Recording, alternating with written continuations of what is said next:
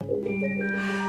Gelecek her zaman belirsizdir. Hiçbir psişik, hiçbir falcı, hiçbir bilim adamı, hiçbir medyum gelecekte neler olacağını kesin olarak söyleyemez. Bu böyle kabul edilmeli ve hayal kırıklığı yaratmamalıdır. Olması gereken de budur zaten. Neyin nerede, ne zaman, nasıl olacağı bir gizem olarak kalmalıdır. Eğer geleceğe ilişkin her şey kesin olsaydı istek olmazdı. İstek olmasaydı yaratma ihtiyacı ortadan kalkardı. Yaratılış olmasaydı biz ortadan kalkardık yaşıyoruz, hayatı bir şekilde devam ettiriyoruz. Başımıza zorluklar gelmiş olabiliyor. Bunlarla ilgili olarak gelecekte bizi nelerin beklediğini bilmek istiyoruz ama onu bilemiyoruz. İşte yaşayarak bunu öğreneceğiz. Yoksa oturduğumuz yerden geleceği görmemiz, gelecekte başımıza neler geleceğini bilmemiz mümkün değil. Ama bir de şöyle bir gerçek var ki gelecekte bizlerin neleri yaşayacağını düşünerek, planlayarak, hayatımızı buna göre yönlendirerek yani çalışarak, fiziki olarak veya ruhani olarak kendimizi bunu ayarlarsak bu şekilde yaşamımıza devam edersek